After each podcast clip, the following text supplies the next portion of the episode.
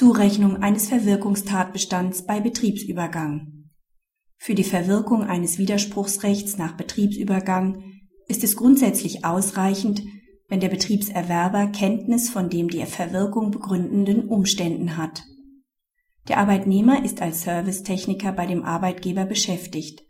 Im Zuge einer Ausgliederung geht das Arbeitsverhältnis mit Wirkung zum 1. November 2004 im Wege eines Betriebsübergangs auf die A Germany GmbH über. Vor dem Übergang unterrichtet der Arbeitgeber die betroffenen Beschäftigten über die Folgen des Übergangs und das gesetzliche Widerspruchsrecht. Der Arbeitnehmer widerspricht dem Betriebsübergang zunächst nicht. Im Oktober 2005 stellt die A Germany GmbH Insolvenzantrag. Der Arbeitnehmer schließt sodann mit dem Betriebserwerber einen Aufhebungsvertrag um eine Beschäftigung bei einem anderen Arbeitgeber aufzunehmen.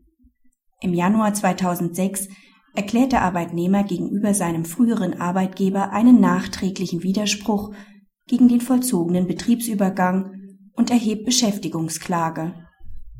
Das BAG hält die Klage für unbegründet. Nach seiner Auffassung liegt kein wirksamer Widerspruch gegen den Betriebsübergang vor, selbst wenn man zugunsten des Arbeitnehmers unterstellt, dass die vom Arbeitgeber erteilte Unterrichtung fehlerhaft war und die gesetzliche Monatsfrist für den Widerspruch damit nicht ausgelöst wurde, steht dem Arbeitnehmer ein Widerspruchsrecht nicht mehr zu. Ein solches Recht wäre nämlich zwischenzeitlich verwirkt.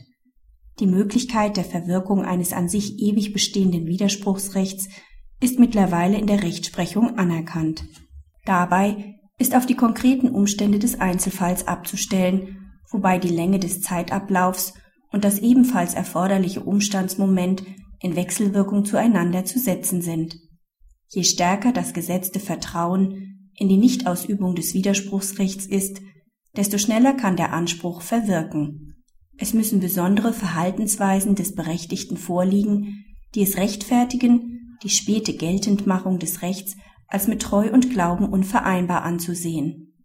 Diese Voraussetzungen liegen im Streitfall vor das entscheidende Umstandsmoment hat der Kläger dadurch gesetzt, dass er im November 2005 eine Beschäftigung bei einer Drittfirma aufgenommen und den Betriebserwerber in diesem Zusammenhang um den Abschluss einer Aufhebungsvereinbarung gebeten hat. Damit hat der Kläger selbst über sein Arbeitsverhältnis disponiert. Dies rechtfertigt ein Vertrauen auch des früheren Arbeitgebers in die Nichtausübung des Widerspruchsrechts, selbst wenn der frühere Arbeitgeber keine Kenntnis vom Abschluss des Aufhebungsvertrags hatte. Da die Unterrichtungspflicht nach 613a Absatz 5 BGB sowohl den früheren Arbeitgeber als auch den Betriebserwerber trifft, muss sich auch der frühere Arbeitgeber auf Verwirkungsumstände berufen können, die der Betriebserwerber zu seinen Gunsten in Anspruch nehmen kann. Praxishinweis. Der Entscheidung ist im Ergebnis zuzustimmen. Letztlich schafft das BAG damit ein kleines Korrektiv für die mit dem Rechtsinstitut des ewigen Widerspruchsrechts für die beteiligten Unternehmen verbundene Rechtsunsicherheit. Es wäre geradezu aberwitzig, wenn sich nur der Betriebserwerber auf eine tatsächlich eingetretene Verwirkung berufen könnte, der Betriebsveräußerer aber nicht. Letztlich hingen die Rechte des Arbeitnehmers dann vom Zufall ab, nämlich von seiner Entscheidung, gegenüber wem er den Widerspruch erklärt. In der Praxis wird es zudem kaum vorkommen, dass ein Betriebsveräußerer von dem weiteren Schicksal des Arbeitsverhältnisses bei dem Betriebserwerber positiv Kenntnis hat.